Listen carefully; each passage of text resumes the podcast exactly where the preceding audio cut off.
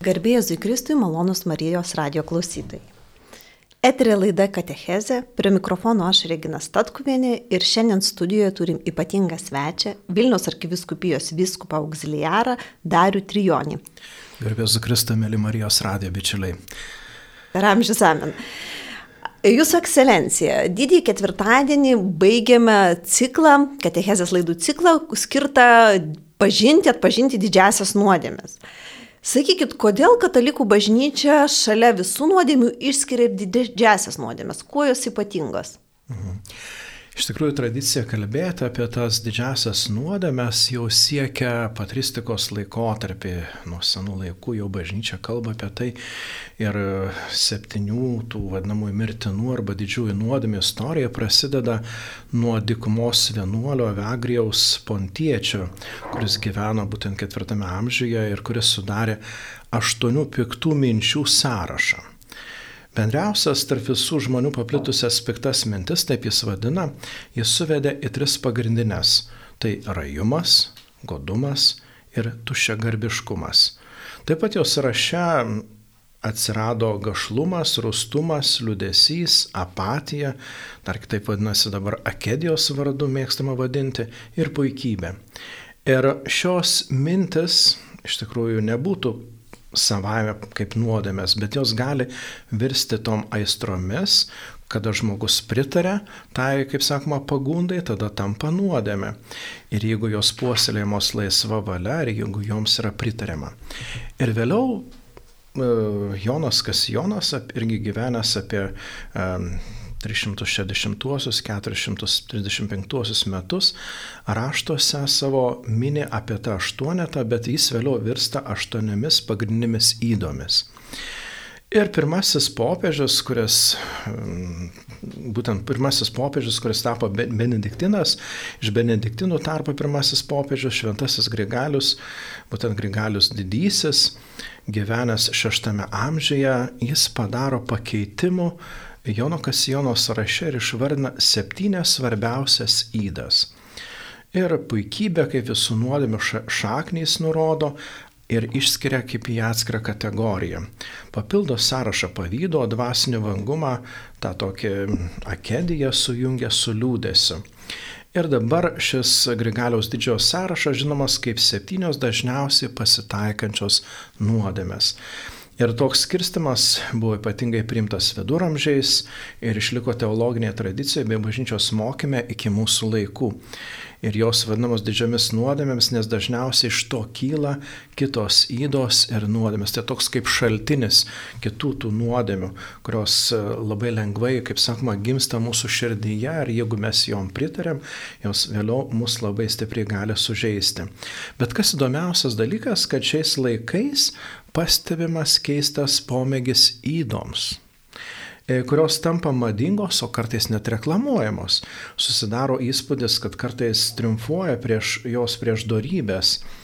Žinoma, įdos visada egzistavo, nes istorijoje ir žmonių gyvenime visada joms būdavo vietos, tačiau šiandien kartais tos įdos taip propaguojamas paimk, suvalgyk, ten, kaip sakoma, tiesiog skatinamas tas toks yra e, naudojimas arba dar kiti dalykai. Ir e, kartais vietoj to, kad propaguotomos būtų darybės, e, kartais būna, kad tikrai visuomenėje būdavo minimos yra tos įdos. Ir dėja, tenka iš naujo vėl sugrįžti prie bažnyčios mokymo, sugrįžti prie tų pirmųjų amžių ir vėl iš naujo suprasti, kas žmogų sužeidžia, o kas iš tikrųjų padeda jam aukti kaip tam autentiškam žmogui.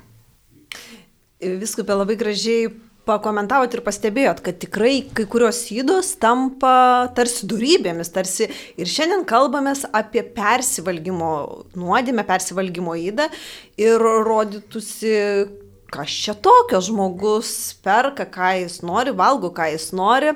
E, kažkokiam spektaklėje esu girdėjusi tokią frazę, kad močiutė kalbėdama apie šios laikus sako, Kalėdos ir Velykos kiekvieną dieną. Anksčiau buvo pasninkas ir mes valgydavom skanumynus tik tai švenčių progą. Dabar žmonės gali, ką nori, kada nori. Tai sakykit, kodėl ta persivalgymo nuodėmė yra nuodėmė, nors suprantu, kad žmogaus veikatai negerai valgyti per daug, nesveikai ir taip toliau. Tai kur čia tas nuodėmingumas iš tikrųjų? Iš tikrųjų, prieš, kalb... prieš kalbant iš negatyviosios pusės, visų pirma, norėčiau pakalbėti apie teigiamą valgymo pusę. Va, iš tikrųjų, maisto vartojimas ne tik suteikia mums reikimos energijos, bet kartu atlieka labai svarbę tokią socialinę funkciją. Nes nuo seno maisto vartojimo ir buvo siekima suartinti žmonės. Prie stalo susirinkdavo šeima, susirinkdavo bendruomenės ir maistas teikia malonumą būti kartu tą saugumo jausmą, nes tu esi kartu su kitais žmonėmis, galimybę pasikalbėti, Ir stalas vienijo žmonės ir tai buvo būdas užmėgsti naujas pažintis ar sustiprinti jau esamas. Kita, iš kitos pusės tai vėl būdas kalbantis išspręsti tuos sunkumus, kuriuos patiriame gyvenimo kelyje, sušvelninti konfliktus. Ir prie stalo gimdavo daug naujų idėjų įvairiais klausimais. Ir mes matome, kad stalo vertę, taip galime pavadinti, vertino ir Jėzus, kuris dažnai pats atsisėsdavo pabendrauti, kartu pabūti, kartu valgyti su kitais žmonėmis. Mes matome, jis atsisėda prie stalo kartu su muitininkais ir Evangelijoje matome taip pat daug svarbių vietų, kada taip pat su apaštlais, kitais mokiniais, kada viešpats e, pasako svarbiausius žodžius e, būtent valgymo metu. Ir per paskutinę vakarienę kartu su mokiniais buvo įsteigta Euharistija ir tiesiog palieka tą paskutinį testamentą mokiniams. Mylėkite vieni kitus. Taigi ta stalo funkcija apjungti žmonės, padaryti, kad ta meilė taptų konkreti, dalintis e, savo bendrystę, tai yra labai svarbus dalykas. Na, o neigiama, varto, ta neigiama pusė valgymo galime sakyti, pasirodo kaip besaikis vartojimas, kaip toks konsumizmas, vartotojiškumas. Mes e, tą galime tikrai pavadinti įda, nes tai yra nesaikingas valgymas ar gėrimas e, ir tai tampa viena iš septynių tų būtent didžiųjų nuodėmių šaltinių priežasčių. Ir kodėl taip atsitinka? Visų pirma, kad mes Visų pirma, šis persivalgymas arba persigėrimas šyda prieštarauja protui, kurio pareiga yra žvelgti tai, kas gera ir kas bloga, atskirti, kad žmogus galėtų pasinaudoti arba kažko atsisakyti.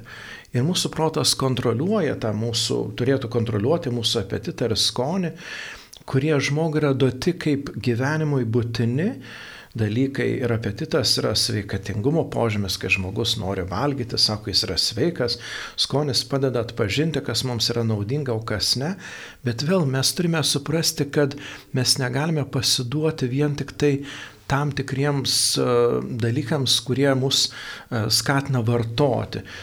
Visas tas dovanas, kurias mes gauname, turi kontroliuoti protas.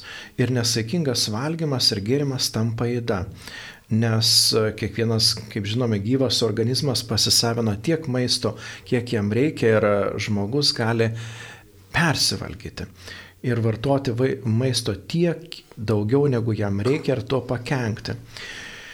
Ir dėl to žmogus gali susirgti įvairiomis lygomis, kartais e, tokiamis sunkiomis. Ir tiesiog tai, kadangi jis valgo neproporcingai, negu, jo, negu yra jo poreikiai. Ir kas svarbiausia, kad mes turime kontroliuoti ir nepasiduoti vien tik savo žmogiškiams polinkiams.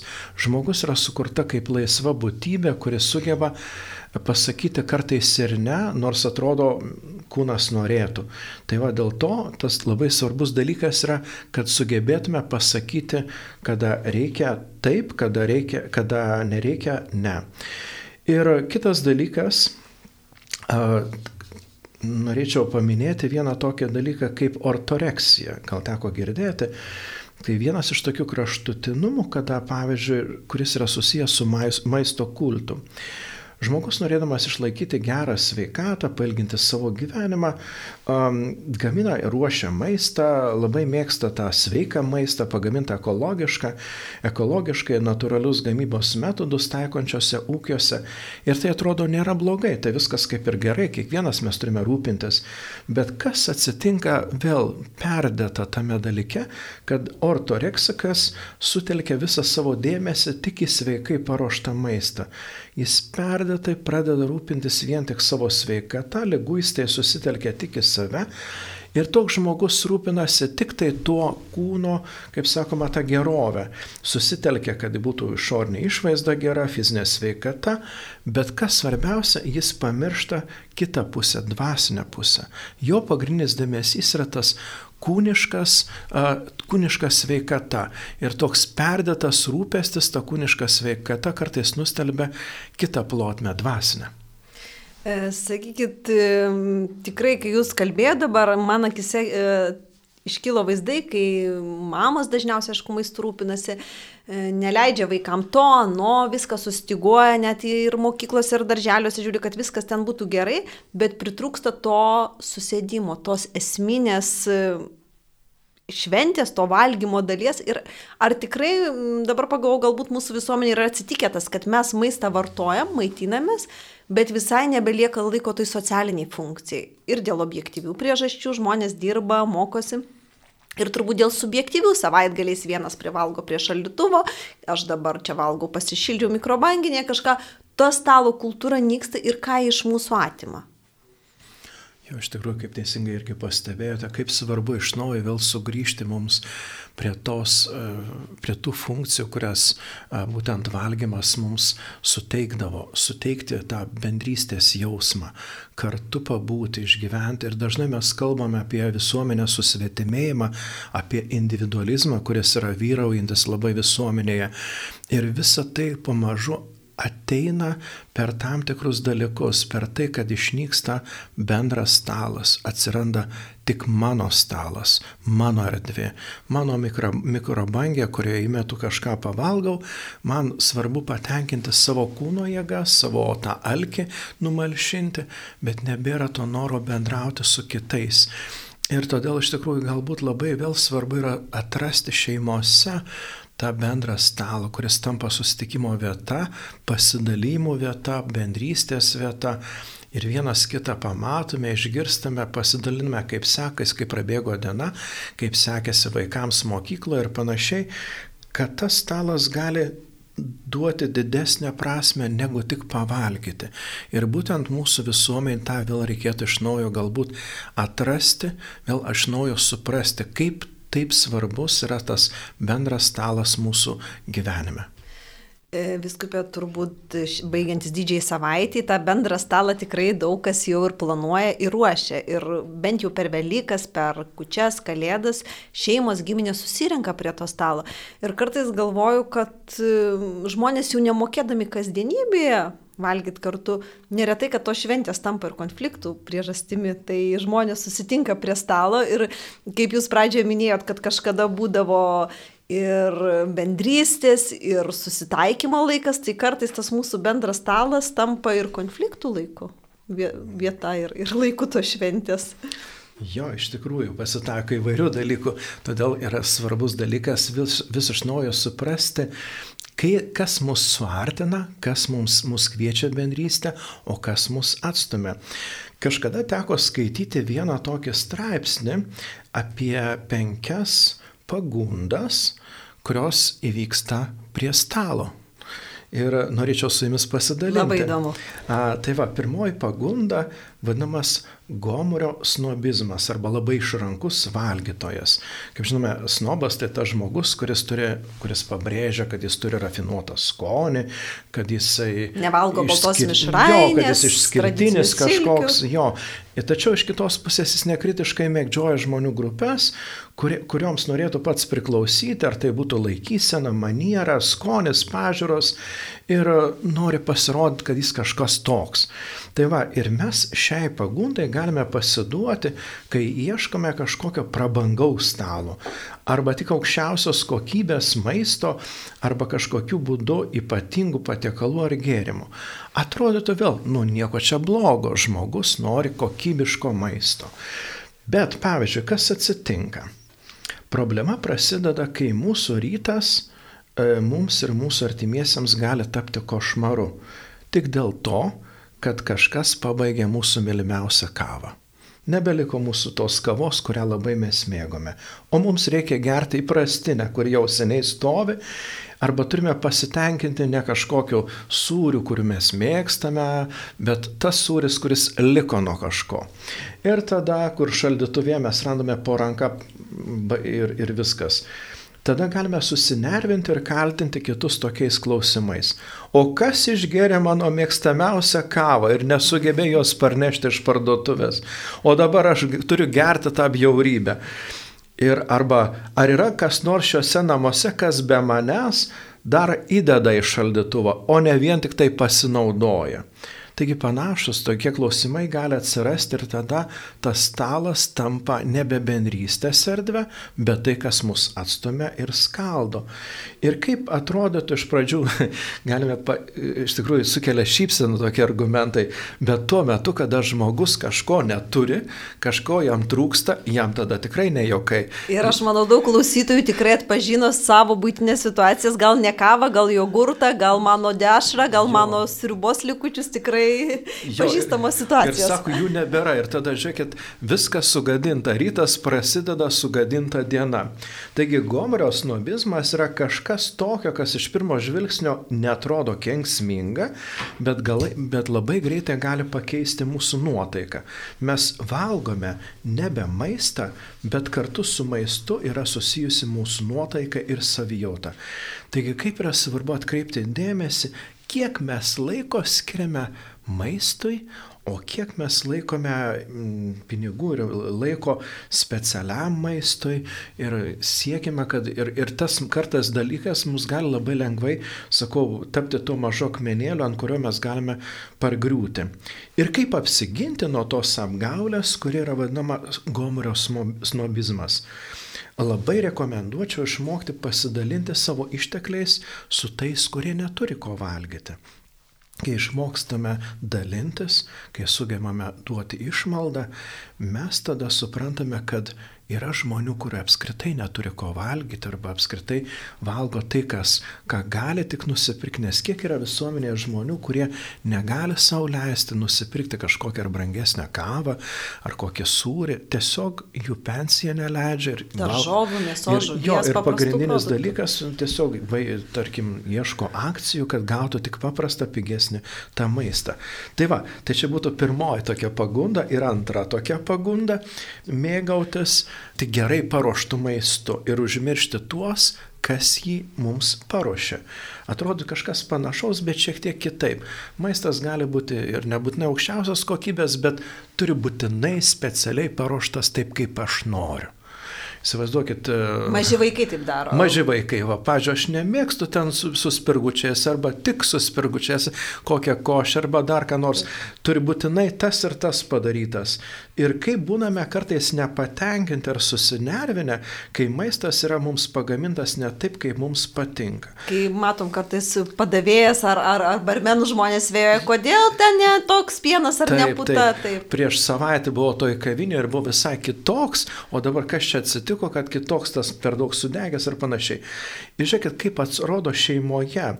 Turbūt vėl galime atpažinti dažnai tokių panašių situacijų, kada sutoktinių poras išgyvena savo pirmuosius ir gana rimtus konfliktus šeimoje, nes žmonos, tarkim, paruošti koldūnai neprimena tų, kurios paruošė mama arba kepsnys koks nors.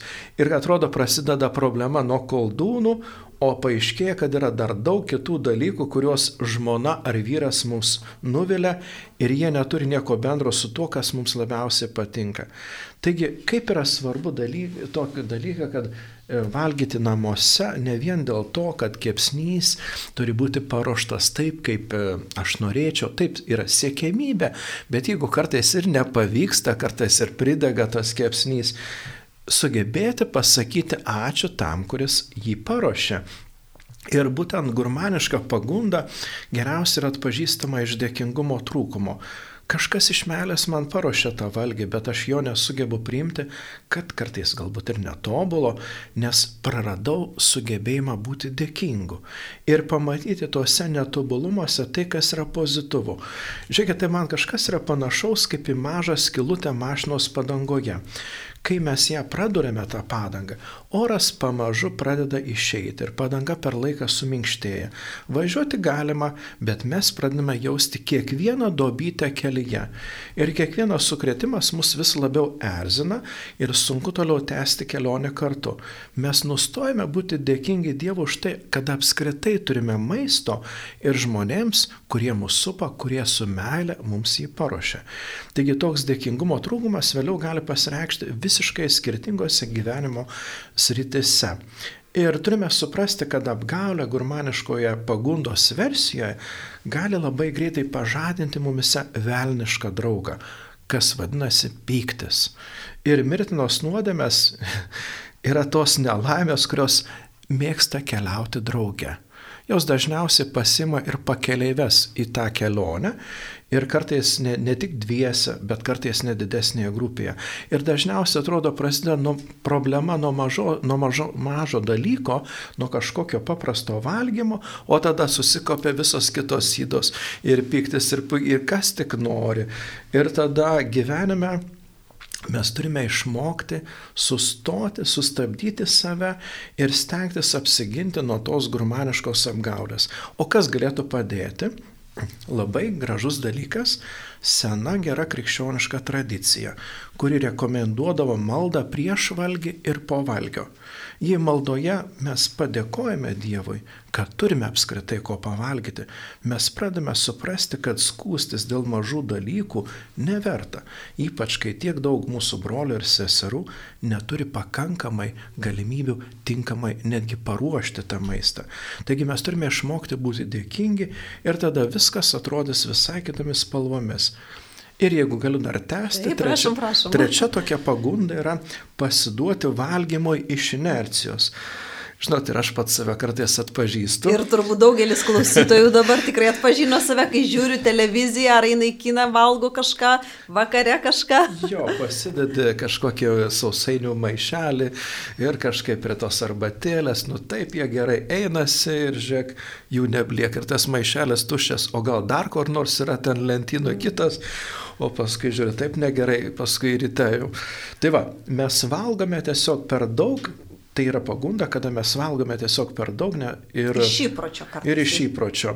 Ir paaiškinimo gal čia daug ir nereikia, nes visiems kaip ir aišku, kodėl tai atsitinka, bet čia yra svarbu priminti mums, kad saikingumas yra svarbi darybė, tačiau kaip svarbu taip pat ją ir atsiminti. Ne vien tik tai, kaip sakoma, sakyti, koks svarbus dalykas tas saikingumas, bet reikia atsiminti ir kasdienybėje tą dalyką. Ir kaip kovoti su tuo. Metodas vėl yra toksai, atrodo paprastas, bet kartu ir nelengvas lengvas, verta atnaujinti seną ir gražią pasninko formą. Kažkada praleisti dieną su duona ir vandeniu. Jei tik mūsų, aišku, sveikata leidžia, išgyventi duonos ir vandens dietą. Ir gaila, kad ankstyviesiems krikščionims tokia įprasta tokio savanoriško pasninko praktika liko užmiršta mūsų laikams. Nors bažnyčia taip pat kviečia pasinaudoti panašią formą, e, kaip pavyzdžiui būna tas e, didįjį penktadienį e, pasninkas arba pelenų trečiadienį arba per kūčias vieną kartą per dieną sočiai pavalgyti, o kitus du kartus tik užkasti. Tai va, tai toks dalykas galbūt irgi padėtų mums tiesiog sustoti, suprasti, kad reikia sustoti. O ketvirtas dalykas vėl atrodo kažkas panašaus, bet vėl turi savo atspalvį. Ketvirtoji pagunda tai užkandžiavimas tarp pagrindinių valgymo. Tai, Aš atsiprašau, prisiminsiu savo močiutę jau amžinaitilsi, kuri labai griežtai tą drausdavo ir vaikystėje kartais net nesuprasdavau kodėl, bet reiškia pusryčiai pietus vakarienė, malda prieš po valgio ir jokių landžiojimų po lentynas. Taip ir sakydavo, nelandžiokit po lentynas. Tai vad labai įdomu man irgi išgirs, kodėlgi tas užkandžiavimas blogai.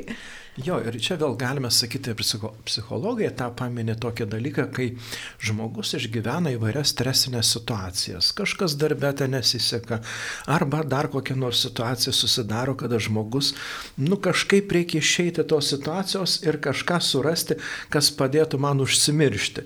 Ir žiūrėkit, kaip atsitinka, kad tose stresinėse situacijose, nebūtinai ir stresinėse, atsisėdame, kaip jau sakėme, pasimame kažkokį ten maišiuką sausainio ar kažkokį sūrio gabaliuką ar dar kažką. Taurė vyno. Taurė vyno, ir... žinai, ir tada pamažu prasideda tas toks užkandžiavimas ir nebėra galo jam. Ir kartais galime nepajusti, kad tas mūsų užkandžiavimas yra ne kas kita, o pabėgimas nuo mūsų laukiančių dalykų ir atsakomybės. Nusileidžiu žeminį virtuvę, išsiverdu jo penktą arbatos podelį, kurį palengva gurkšnoju, užsikasdamas sausainiais, bet mes esmė yra ta, kad nenoriu sėsti ir pabaigti kažkokio pradėto darbo, kuriam reikia galbūt daug pastangų ir laiko, arba galiu ieškoti, vaikščioti po namus, ieškoti praugų, ką čia užsijėmus, ką čia padarius, kad tik nereikėtų vėl prisėsti prie to gal, galvą spaudančio dalyko tų problemų. Ir tada yra pretekstas palsėti nuo to darbo. Ir kai kas dar yra pavadinęs dar taip įdomiai atidaromo šaldytuvo sindromo kai kažkas mus nervina, nu, reikėtų dar pažiūrėti šalituvę, ką čia mes turim gero tokio. Sėsiu, baigsiu rašyti, dirbti, skaičiuoti, bet prieš tai užkasiu. Arba eisiu tvarkyti namų, bet nu, va dar prieš tai. jo, ir tada, kai jie atidarome, ieškome ką nors tokio, kas būtų skanaus ir mielo, nes būtent tas skanumas yra tas malonumas, kuris mus atitraukia nuo tų problemų. Ir kada nieko, negal, ir kaip, kada nieko mes negalime suprasti, ko mes iš tikrųjų norime. Taigi valgymas nenustatytų laikų gali suteikti mums puikų alibi, kaip nors išvengti savo konkrečių pareigų ir užduočių. Ir vėl kaip su tuo kovoti. Pabandykime aiškiai apibriežti, kiek kartų per dieną mes valgome. Ir valgykime tu maždaug tuo pačiu metu ir tiek kartų, kiek esame nusprendę. Kai sėdžiu prie kompiuterio ir rašau kažką, nebūtinai turėti, turiu turėti po ranką podelį kavos ar arbatos. Nors aišku, ta kava ir arbata lyg nieko atrodo ir nedaro, bet svarbiausia, kad prie jos neatsirastų saldainis arba kokia sausainis. Ir tada jau kažkaip prasideda užkandžiavimas. Nes gert vandenį tai tikrai, žinau, rekomenduojama taip, taip, ir per taip, egzaminus, kad, žodžiu, tas smegenų smegenų veikla vis. Natūralu, kad žmogus paskui, ypatingai vasarą, žmonės nepastebi, kaip dehidratuoja ir tai labai svarbu. Arba kai žiūriu filmą, ne visada turiu laikyti po rankose maišelį su traškučiais. Taigi pagrindinis, kokį laikydavosi senovėje vienuoliai, toks asketizmo principas yra, yra vienas veiksmas vienu metu nebūti tuo multitaskingu tokio, ne, neturėti daug dalykų, viskas paskenda ir paimu sausainį, galvoju apie vieną dalyką, apie kitą. Bet čia labai svarbus pastebėjimas šio laikiniam žmogui. Tikrai vienu metu viena veikla. Daug veiklų, jo, kad nebūtų. Tai kad nebūtų. išmokti vieną veiklą, kai valgo, valgo, kai rašau, rašau, kai skaitau, skaitau. Ir tada, žinot, labai svarbus dalykas, tada mes labiau susikoncentruosime į tą darbą. Ir atsiminti reikia, kad valgymas yra veikla, kurią, jei tik įmanome, turime pasidalinti su kitais. Stalas kuria bendrystę. Išmokime toj bendrystėje dalintis. Čia jau, kaip sakoma, negaliotų tas principas, kad negalim kalbėti, nu, aišku, kada valgom, negalim kalbėtis, kada tuo metu jau kramtom, paskui galim užspringti, bet kada prie stalo galime užmėgsti ir pokalbius, tą bendrystės ryšį. Bet svarbiausias dalykas, sakau, kad tas mūsų likimas vienas su savimi ir tuos užkandžiavimas netaptų mums e, pagunda kaip sakoma, persivalgymui. Ir penktoji pagunda yra tiesiog kimšti viską į pilvą. Kaip svarbu yra išmokti skonėtis. Atrodo mažas kažkoks patiekalas, bet pajusti visus skonius ir poskonius, o ne vien godžiai kimšti. Ypač kai esame išalgę ir atrodytume suvalgytume visą šaldytuvą arba visą tai, kas yra ant stalo. Turime išmokti įsidėti po nedaug, kad galėtume pakartoti o svarbiausia neskubėti valgyti. ir pajusti skonį. Ir man buvo prieš akis iškyla ypatingai tie viešbučiai, kur viskas skaičiuota yra, kada žmonės, atsimenu, kai nuvažiuodavo kur nors palisėti, žiūri, pasima tokias didžiulės lėkštes ir krauna lėkštes, kiek tik akis mato. Ir, ir tam, palieka. Ir pas... palieka, va būtent. Nesumokėjau, tai turiu dabar jau už... Viską panaudoti. Duoti kiek tik įmanoma ir toks kalnas pareina prie stalo ir tada žmogus, žinot, turi valgyti kažkaip nepatogu prieš kitus, tada kemša, kemša viską į pilvą. Ir kaip kovoti su šia pagunda? Ir vėl mes grįžtame prie tos asketinės vienuoliškos formos. E, iš vienos pusės, kuri atrodo įprasta kultūra, stalo kultūra. Ir vienuolynuose, žiūrėkit, stalas sujungdavo vienuolyno bendruomenę būtent ta stalo kultūra. Vieni su kitais kartu valgo ir vienas kito laukia. Ir man prisimenu, prieš viskupystės konsekraciją turėjau atlikti rekolekcijas. Tai buvau išvykęs į Monte Casino vienuolyną, į Benediktino būtent tokį centrą. Ir man, žinot, taip, tas penkias dienas, kai gyvenau kartu su vienuoliais, stebėjau, kaip jie ir meldžiasi, kaip jie bendrauja ir kaip jie valgo.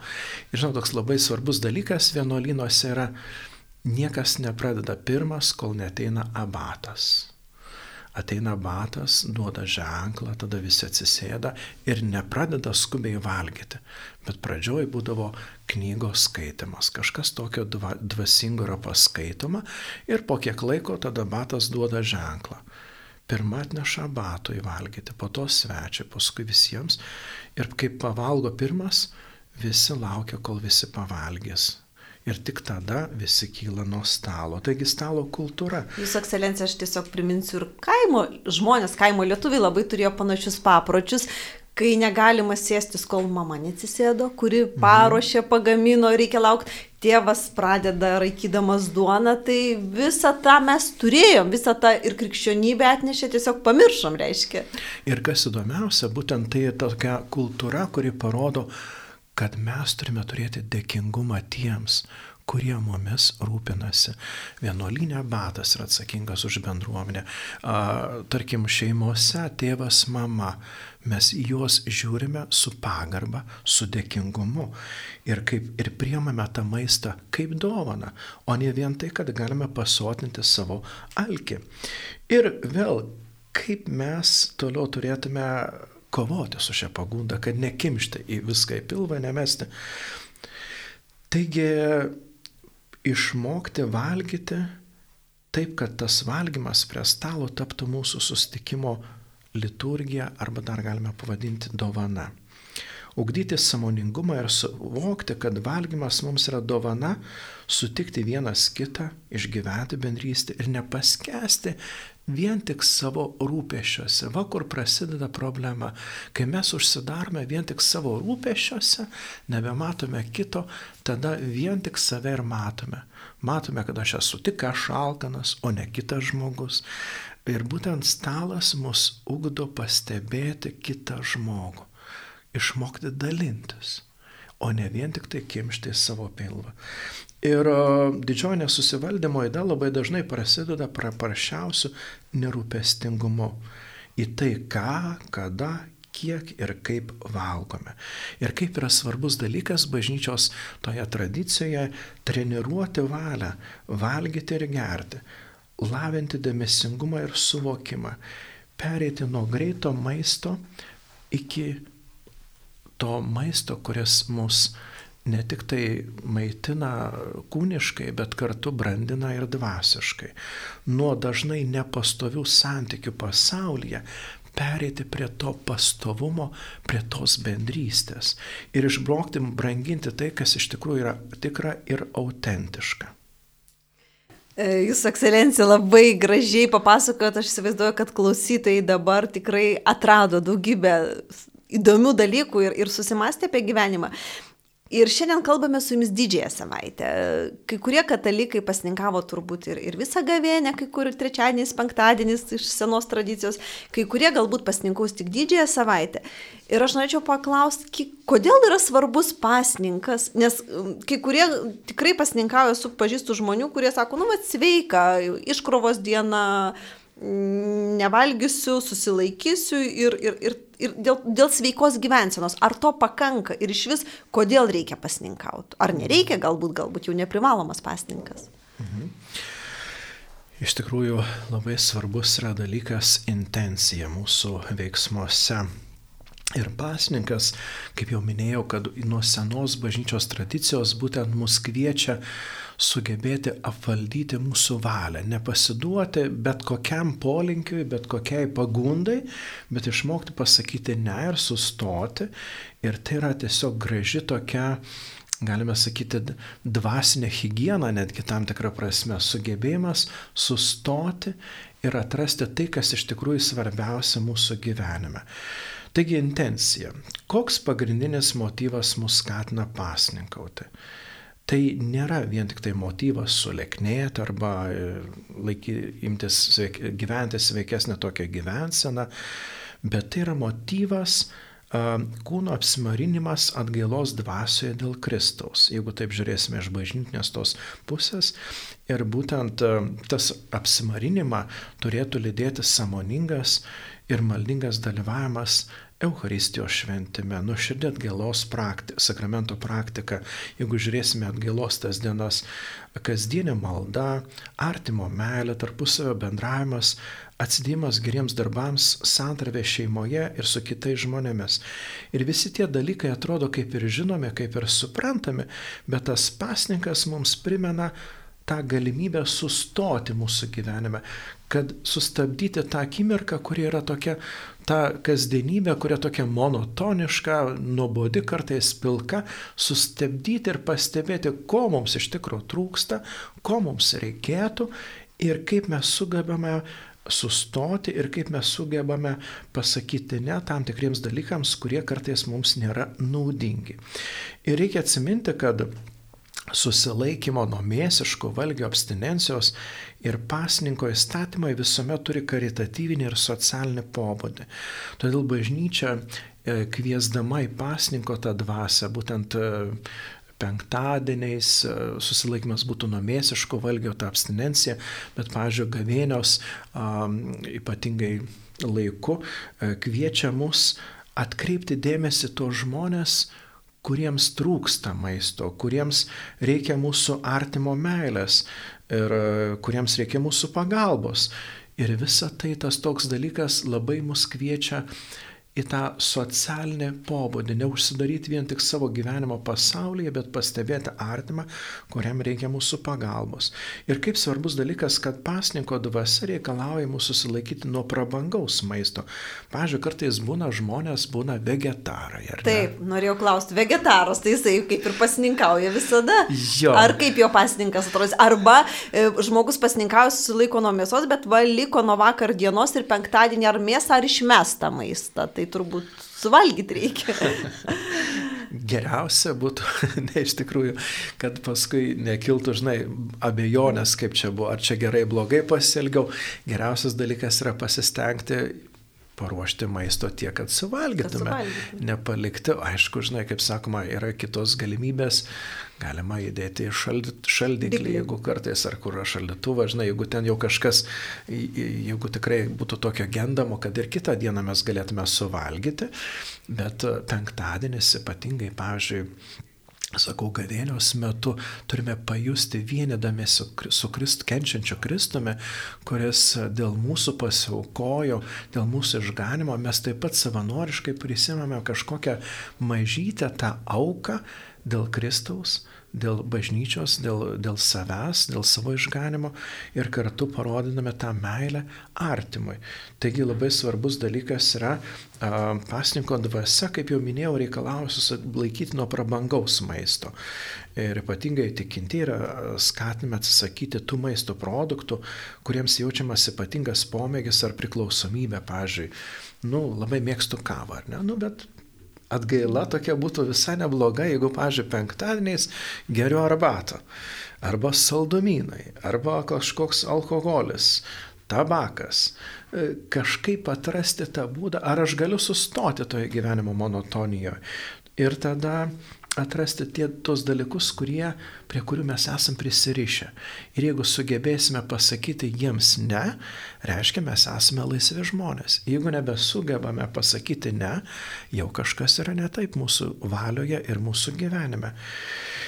Ir kitas dalykas, kaip 2006 e, metais išleista Lietuvos viskupų konferencijos instrukcija dėl atgailos ir pasninko dienų sako, susilaikymą nuo mėsiškų valgių, abstinenciją bei pasninką turėtų lydėti tą atgailos dvasia, kurį pareigoja tikinčiuosius gavėnios metu nerengti net triukšmingų pasilinksminimų, griežčiau negu paprastai vengti svaigalų, atsakingiau vertinti laiką.